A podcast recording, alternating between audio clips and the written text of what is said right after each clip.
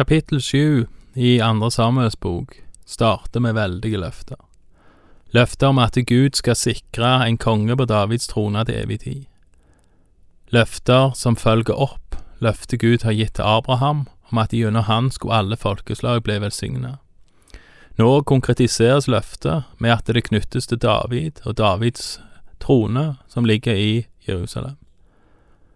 Løftene Gud gir, forstås på kort sikt til å være knytta til Salomo, altså Davids sønn. Men håpet er at de òg gir løfter om en større horisont, en lengre horisont. At løftene peker fram imot Jesus. Dette håpet ser vi òg er viktig for forfatterne av Det nye testamentet. Som vi sa sist gang, så starter Matteus evangeliet nettopp med å vise Jesu ettertavle tilbake igjen til Abraham og David. Johannes ser i sitt syn på Patmos at den nye himmelen og den nye jord skapes. Så skapes òg et nytt Jerusalem for at det lammets trone skal være der, der Davids trone var. Dagens jøder, som fremdeles venter på Messias, og som altså ikke tror at Jesus var Messias, de venter fremdeles på at noen skal overta Davids trone. Hva David tenkte om disse løftene, det vet vi ikke utover det Bibelen formidler. Hvis vi antar at Bibelens forfattere har oppfatta David noenlunde riktig, så skal vi se i det videre at David ser noe av Guds storhet.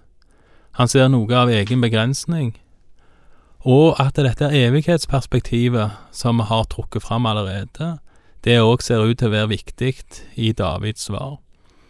Vi leser ifra andre Samuels bok kapittel 7 vers 18.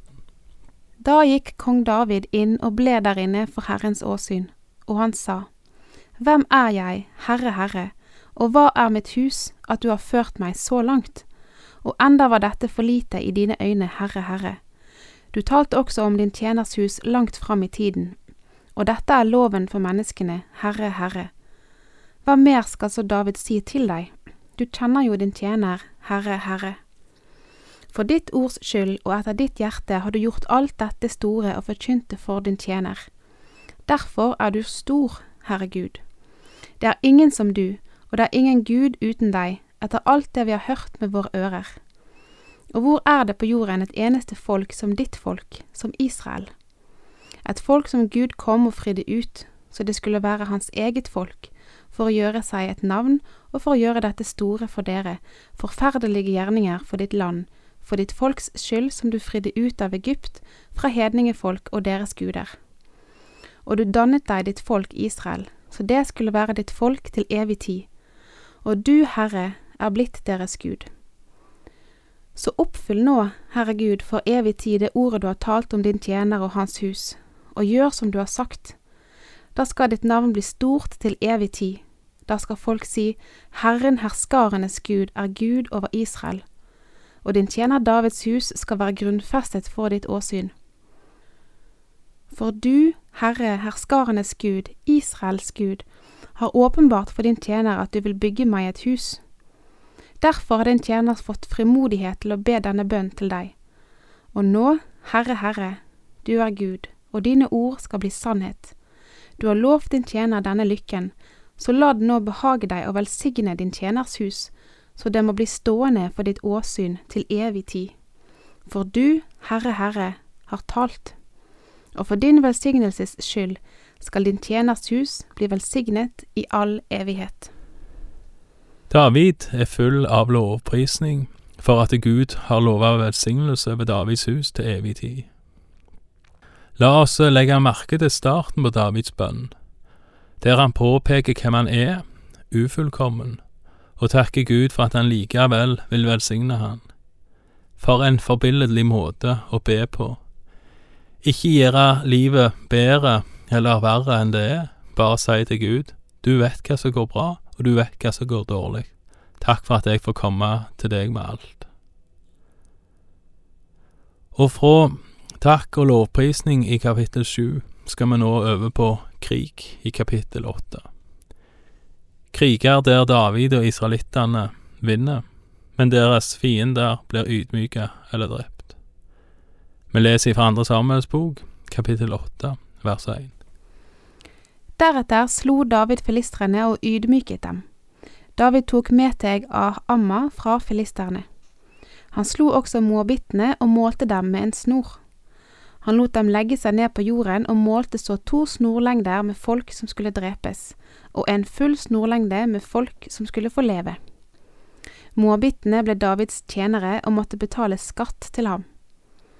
Likeså slo David Hadadeser, sønn av Rehob, kongen i Soba, da han dro av sted for å gjenvinne sin makt ved elven. David tok fra ham 1700 hestfolk og 20 000 mann fotfolk. David lot skjære fotsenene over på alle vognhestene, bare 100 vognhester sparte han. Syrerne fra Damaskus kom for å hjelpe Hadadeser, kongen i Soba, men David slo 22 000 mann av dem.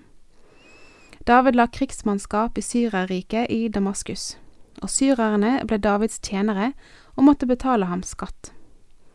Slik hjalp Herren David overalt hvor han dro fram. David tok gullskjoldene som Hadadesers tjenere hadde båret, og førte dem til Jerusalem. Og fra Hadadesers byer Beta og Berotai tok kong David en stor mengde kobber. Da Toi, kongen i Hamat, hørte at David hadde slått hele Adesers hær, sendte han sin sønn Joram til kong David for å hilse på ham og ønske ham til lykke, fordi han hadde kjempet mot Hadadeser og slått ham. For Hadadeser hadde stadig ført krig mot Toi. Og Joram hadde med seg sølvkar og gullkar og kobberkar. Også dem helliget kong David til Herren, sammen med det sølvet og gullet han hadde helliget av hærfanget fra alle de hedningefolkene han hadde lagt under seg.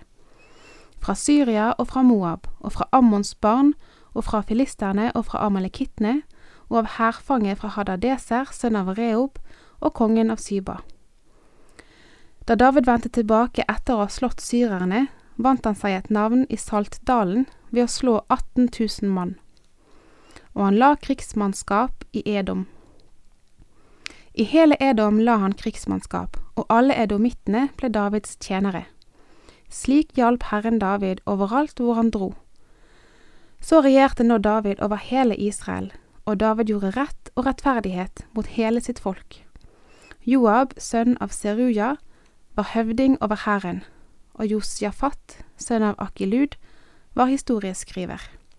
Sadok, sønn av Aktiub, og Akimelek, sønn av Abiatar, var prester, og Saraja var statsskriver. Benaya Jojadas sønn var høvding over livvakten, og Davids sønner var prester. David vinner i krig, noe som har både en direkte og en indirekte effekt. Den direkte effekten er at han får kontroll over sine fiender. Den indirekte effekten er at han får mektige allianser ved å slå ut felles fiender med landet rundt. Videre inngås det òg avtaler om at andre land må betale skatt til Israel og kong David, sannsynligvis ikke så veldig frivillig. Vers 14 blant annet uh, forteller at Herren hjalp David der han dro fram. Det er lett å tenke at landløftet til Abraham var så fint og idyllisk, men en må ikke glemme at det land som blei lova, samme hvordan en måtte definere det, var land som stort sett var befolka av andre. Andre folk som neppe klappet i hendene over muligheten til å bli flyktninger. Så selv om en mener at Abraham blei lova et stort land av Gud, så kom en ikke vekk ifra at dette hadde noen kostnader for de som allerede bodde i det landet.